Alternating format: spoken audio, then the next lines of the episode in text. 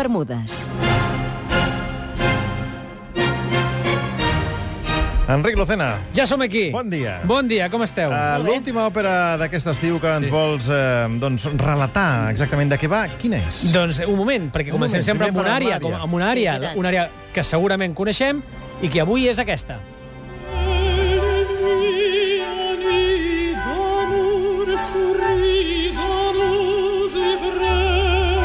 Sona una mica? Sí. Sí, home. La barcarola, Un, un eh? anunci de rellotges, em sona.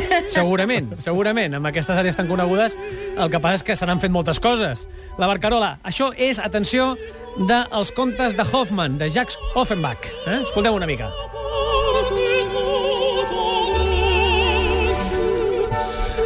Em sona molt perquè, a més a més, quan jo anava a l'escola, la barcarola d'Offenbach era una de les peces que més ens insistien i ens ensenyaven. Per què? No sé per què. Però és aquelles coses Però que, a- que com, a la classe de com mates, Beethoven o- nació en Bonn, morir en Viena, saps aquelles coses que et queda gravat? Doncs barcarola d'Offenbach. Doncs els contes de Hoffman, senyors, és una òpera en francès i es basa en tres contes d'Eta Hoffman, de l'escriptor... Eh, atenció, una òpera doncs, en tres actes, més un pròleg i un epíleg. Una història molt cinematogràfica, ja ho veureu, eh? que posa molt bases que després al cine hem vist i molt. Cada conte té un, una protagonista eh, femenina que teòricament hauria d'estar interpretada sempre per la mateixa cantant. Això sí, en moltes ocasions no passa, sempre No? són tres cantants diferents o dues que s'ho reparteixen. Es va estrenar a l'Òpera Còmic de París el 10 de febrer de 1881, és, com hem dit, de Jacques Offenbach, i l'autor del llibret és Jules Barbier, però està basat en contes de Hoffman, per tant, eh, anem a veure la història que ens explicava el mateix autor. Comencem, no pel primer acte, sinó pel pròleg. Vinga, l'òpera comença a Nuremberg, a una cerveseria que està situada molt a prop del Teatre de l'Òpera, de la famosa, on la famosa cantant Estela està interpretant Don Giovanni. És, és un bar, diguéssim. Un bar on es canta òpera. No, no, que està a prop de l'òpera. Ah. Eh? Llavors els homes van aprendre coses al bar. És una cosa que també Fent passa, coses, passa eh? habitual. Sí. Eh, Durant tota la història de la humanitat. Els homes demanen cervesa, Sí. entra un tal Lindorf, que és un home casat i que vol accedir al cor d'Estela, que és aquesta cantant que està fent Don Giovanni al costat, i eh, en aquells moments aquesta cantant té una relació amb Hoffman. Hoffman acostuma a aparèixer en les seves pròpies obres literàries. Mm, per, com això, Hitchcock. per això és el prota dels contes de Hoffman, el mateix eh, autor eh, literari. Eh? No ens enredarem aquí, però Lindorf es burla de Hoffman allà a la taverna i aquest decideix ex explicar els tres grans amors de la seva vida, que, com estareu endevinant, ho fa amb tres contes. Per això es diu Els contes Clar. de Hoffman. Mm. I cada conte és un acte. Acte primer, vinga.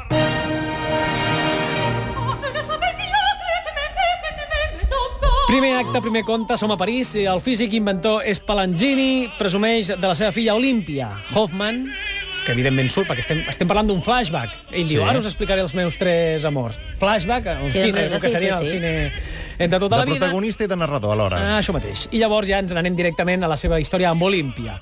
Hoffman ha sigut deixeble de l'inventor Spallanzini que, i està enamorat d'Olímpia, a la qual espia quan teòricament ella dorm, una mica bollera. Sí. Eh? Hoffman, un personatge que passa per allà li explica a Hoffman que Spallanzini només està interessat en la ciència, ciència-ficció, jo diria, mm. ara ho veurem, i li explica que l'inventor construeix nines que semblen vives. Interessant el tema, eh? Sí, interessant i rebuscadet, eh? Hoffman es nega a creure el que li diuen, ell no vol creure que Olímpia és un ésser de ciència-ficció, no vol creure que la seva estimada és Terminator, no? I, en tot cas, eh, hi ha un acte de presentació d'Olímpia, Hoffman espera allà per veure com un acte en societat, mm -hmm. ho vaig a presentar a la meva filla, Olímpia es posa a cantar i a mitja cançó eh, s'atura. El seu pare, Spallanzini, l'inventor, li ha tornat a donar corda Oh, amb una àrea molt i molt coneguda eh, perquè continuï la peça. Hoffman, tot i això, no se n'adona de res, que dius, a veure, xato, espavila, i després hi ha un ball on el, passa tot el contrari, on Olímpia, de- quan Sí. està ballant en Hoffman, s'accelera, eh? com el, és un xip que li passa alguna cosa, i el seu pare l'atura donant-li un cop. Aquí Hoffman tampoc se n'adona de molt, dius, xato, no el vagis explicant Està enamorat, està enamorat. Sí, clar, l'amor, Sí. l'amor. I llavors un inventor rival d'Espalangini el que fa és destrossar fora d'escena a Olímpia, destrossa el robot. I és llavors, i no abans, quan Hoffman se n'adona que la seva nòvia Clar. era un robot, o la seva estimada era un robot. Molt bé, Hoffman, eh? Molt un llestet. tio molt llestet. Sí, sí, per això, mira, eh, ho explica així des de la taverna. Aquest és el primer conte, Olímpia. Estem parlant diríem, podríem dir, de tres òperes diferents, amb tres, eh, tres petites òperes amb tres actes diferents. Anem a la segona història amb la segona protagonista. La segona història també passa a Múnich, que recordem és el lloc on hi ha la taverna, Sí. al principi, eh, al pròleg. Eh? La protagonista en aquest cas es diu Antònia, de la qual Hoffman està enamorat en una altra època de la seva vida, evidentment. Ella està trista i el seu pare Crespel entra i li recorda a la seva filla que no ha de cantar, perquè tot i que ha heretat de la seva mare una bonica veu, també ha heretat una malaltia fatal, la tuberculosi, una malaltia que si cantes va a més, expliquen a l'òpera. Mm? Per tant, ella pot cantar, però no ha de cantar. Antònia li promet al seu pare que no cantarà i el seu pare se'n va. El pare d'Antònia, per si de cas, dona l'ordre de que no deixin entrar el Hoffman a casa seva, el poeta que no entri, eh? Aquest, el, el bohemi Que aquest que cantar. ronda per aquí, que no entri, però Hoffman aconsegueix entrar igualment i eh, el que vol és cantar el duet amorós que sempre ha cantat amb Antònia i li demana que canti. A veure, Hoffman, no veus que està malalta? Per què li fas, can... per què li fas cantar si està malalta i s'ha de morir si canta? Però ell diu, no, no, cantem. Masoca. I és un ruc. Eh, abans he- hem descobert una faceta de Hoffman, que no no era molt intel·ligent, llestet. i ara estem adonant que... Eh, bueno, al final es posen a cantar, ella defalleix, Oh. arriba el seu pare, i Hoffman, fent-se el mil homes, eh, just al moment que arriba el seu pare, què fa? Què fa? S'hi enfronta. Li planta cara. S'amaga com un covard i no dona la cara. Tu creus? I s'acaba el segon acte així, que s'amaga. No, no, no, no, home, no, no s'acaba el segon acte. Perquè cada acte és un conte. No s'ha acabat el conte de l'Antònia. Va. Mm? Però ell no s'enfronta al seu pare. Ha cantat perquè ha cantat amb mi, som, ens estimem. No, ell s'amaga com un És covard. a dir, ruc, eh, babau i covard. Sí, molt sí, bé. sí. Imagina't, eh? I això ho explica- autobiogràfics Sí. està molt bé. Es deixa eh? molt bé. Es deixa molt bé a ell mateix. Bé, metges, corredisses, nervis... Recordem que el metge que ve a veure Antònia és el doctor Miracle, gran nom per un doctor. I eh, Antònia s'acaba refent i es torna a trobar en Hoffman. Hoffman, ara sí, una miqueta més sensat, eh, li diu que no pot cantar més, que no ha de cantar més, perquè li va la vida, per tant, s'ha de, de cuidar. Eh, I el doctor torna i li pronostica a Antònia, atenció, un futur fantàstic com a cantant. Ella, confosa, clar, recordem que té un nòvio covard, que primer la fa cantar quan sap que no pot i després s'amaga, un doctor que fa de futuròleg. Eh, ella què fa? Doncs eh, el més habitual en aquests casos és que mira el retrat de la seva mare morta demanant-li ajuda. I què passa? Què? Doncs que el retrat de la seva, mira, de la seva mare cobra vida i li parla ordenant-li que canti. No! Que sí, que sí, que sí, eh? Que canti, eh? Ella canta, cau a terra moribunda i estressada, perquè, clar, és que et passen tantes coses tan estranyes que, per favor, arriba el seu pare i ella mor. Molt bé. Eh? Apareix Hoffman i el pare l'acusa de ser el causant de la mort de la seva filla. Esclar. Aquest, que... Home, aquesta vegada no ha fet res. Bé, És igual. És igual. Explica-li que era el quadre, que havia cobrat no, vida. no, és que, és que el quadre de la eh? teva dona eh, ha cobrat vida i li ha dit que cantés. Sí, sí, molt bé, molt bé. Aquestes són les dues primeres històries, la història d'Olímpia i la història d'Antònia, però encara ens en queda una altra. Una altra, a l'acte tercer, evidentment, el tercer conte, on escoltarem la Barcarola.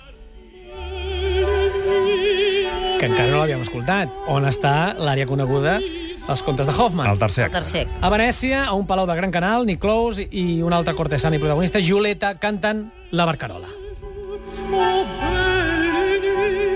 El temps vola i s'emporta la nostra oferta de carícies per sempre. El temps vola lluny d'aquest feliç oasi i no torna. Eh? Tempus fugida. Eh? Mm. Bé, tot aquesta, aquest espectacle, aquesta cançó ho fa, la canten, ho canten davant d'un grup d'assistents on hi ha Hoffman, que està enamorat d'ella, de Giulie, Giulietta, tot i que ella està amb un altre. Eh? L'argument és bastant més llarg, ara queden 4 minuts, no ens allargarem, No però temps. diguéssim que en un moment donat ella li diu a Hoffman que també l'estima i que s'ha de mirar en un mirall perquè quan estigui lluny ella pugui retenir la seva imatge. Rebuscadet, també, eh? Força. Sí, sí. Una mica rotllo Harry Potter, eh? Saps el mirall aquell que ell mira a la seva escola i veu els seus Sí, pares? sí, sí. Sí. Una mica això, eh? Veus que... Mira que J.K. Rowling no ho tragués d'aquí. Però bé, eh, ell no ho veu gaire clar, però accepta i el poeta es mira. I atenció, Van Helsing! Quan es mira al mirall no s'hi veu! No Hoffman! s'hi veu reflectit! Ai, ai, ai. Que venia de Transilvània. No ho sabem. Li passen coses molt estranyes a Hoffman, eh? També pot ser que, clar, com està en un bar i ho estàs explicant, cada vegada es begut més vi, cada vegada explica les històries sí. més estranyes. Eh? Hoffman mata el seu rival per Giulietta i llavors ella fa el que tothom està esperant en un gir argumental que ha sentat molts arguments eh, moderns cinematogràfics, eh, que és que quan tu mates pel teu amor, ella va i t'abandona. Home, però que- si l'he matat per tu. Sí, sí, però Doncs no, jo me'n doncs vaig. no. Perdona, l'ha matat per tu, però ha matat a la seva parella. Sí, sí, sí, Ah. però ella esperava tenir Ja, esperances ja. eh, Sí, sí, que matant-lo ella acabés amb ell. Recordem que Hoffman És és un roba, personatge, i molt, estra és un Sí. personatge molt estrany. Eh, ella, però, s'equivoca i pren un verí que no havia de prendre i la palma. Molt bé. Au, el llastimo ràbit, això. Justícia divina. Tot i això he de dir, Sí. com sempre, que de les òperes que, de les que parlem són grans espectacles i que si Sempre. podeu anar a veure els contes de Hoffman, aneu-hi. L'han fet eh, la passada temporada, eh, crec que la passada temporada sí l'han fet al Liceu, amb un muntatge espectacular, per tant, si podeu anar-hi, val molt la pena. I aquests arguments no desmereixen gens, perquè ara la gent, quan hi vagi, ja sabrà què és el que està passant. Això mateix. I una altra cosa, no hem acabat, perquè hem explicat tres contes, el Sí. d'Olímpia, el d'Antònia de Giulietta, No, teníem, però... Teníem Estela al, al cantant òpera. Clar, perquè estàvem vivint un flashback. Sí, Per tant, hem de tornar a taverna. la taverna. Sí, sí. Tornem a la taverna, on Hoffman diu que ja ha acabat d'explicar els seus relats amorosos, deixant-se molt bé a ell mateix, Sí. com heu pogut comprovar, borratxo i sol, perquè ja la gent comença a marxar. Bueno, he quedat... saps? No, la dona, Està bé, que eh, m'ha la estat teva parant, la història, meva vinga. parella, que anem al cine... Ah. Total, que es queda sol i borratxo ell a la taverna, mig adormit, i rep la visita de la musa de la poesia, que li diu que dediqui la seva vida a escriure poesia. Eh? Una manera d'acabar. Molt bé, molt bé, molt bé. molt bé. Increïble. Vinga, molt va. bé. Doncs com sempre fem, acabem els contes de Hoffman en 15 segons per Enric Lozena. Avui és el dia més fàcil de tots, perquè és un poeta borratxo que explica la seva manca d'èxit amb les dones a un bar i reconeix que s'ha volgut tirar un robot. Tot el que explica després ja no ho supera i ja, ja ho podem deixar aquí. Ens quedem amb el primer acte. No? Ens quedem amb el primer acte i aquí els contes de Hoffman. Molt recomanable eh, per tots els que us agradi l'òpera, com, a, com és el cas, però amb aquest argument que us hem portat avui. Molt bé. Enric Lucena, hem rigut moltíssim eh, doncs, desgranant aquests arguments eh, sorprenents d'aquestes òperes i sobretot hem gaudit escoltant una miqueta d'òpera amb aquesta excusa de poder doncs, donar-li un gir i una volta a aquests arguments que realment són mm, estrambòtics, alguns d'ells. Eh? Moltes gràcies, eh? Jo Gràcies. també m'ho he passat molt bé, m'agraden molt els arbres d'aquí fora que ahir Sí, encara aguanten. eh, veu guarnir. Amb els granis. Sí, sí. Eh, i no sé com es diuen, perdoneu. Són no. Granny Squares Granny i van fer una acció llanera de les guerrilleres del ganxet. Això, això ho vau fer ahir, jo ahir estava Ahir. mirant els contes de Hoffman en DVD i no vaig Sí, prenent per- apunts. per escoltar-vos. Eh, però moltes gràcies, un gran estiu, m'ho he passat molt bé també. Nosaltres també amb tu, Enric. Fins la pròxima. A reveure.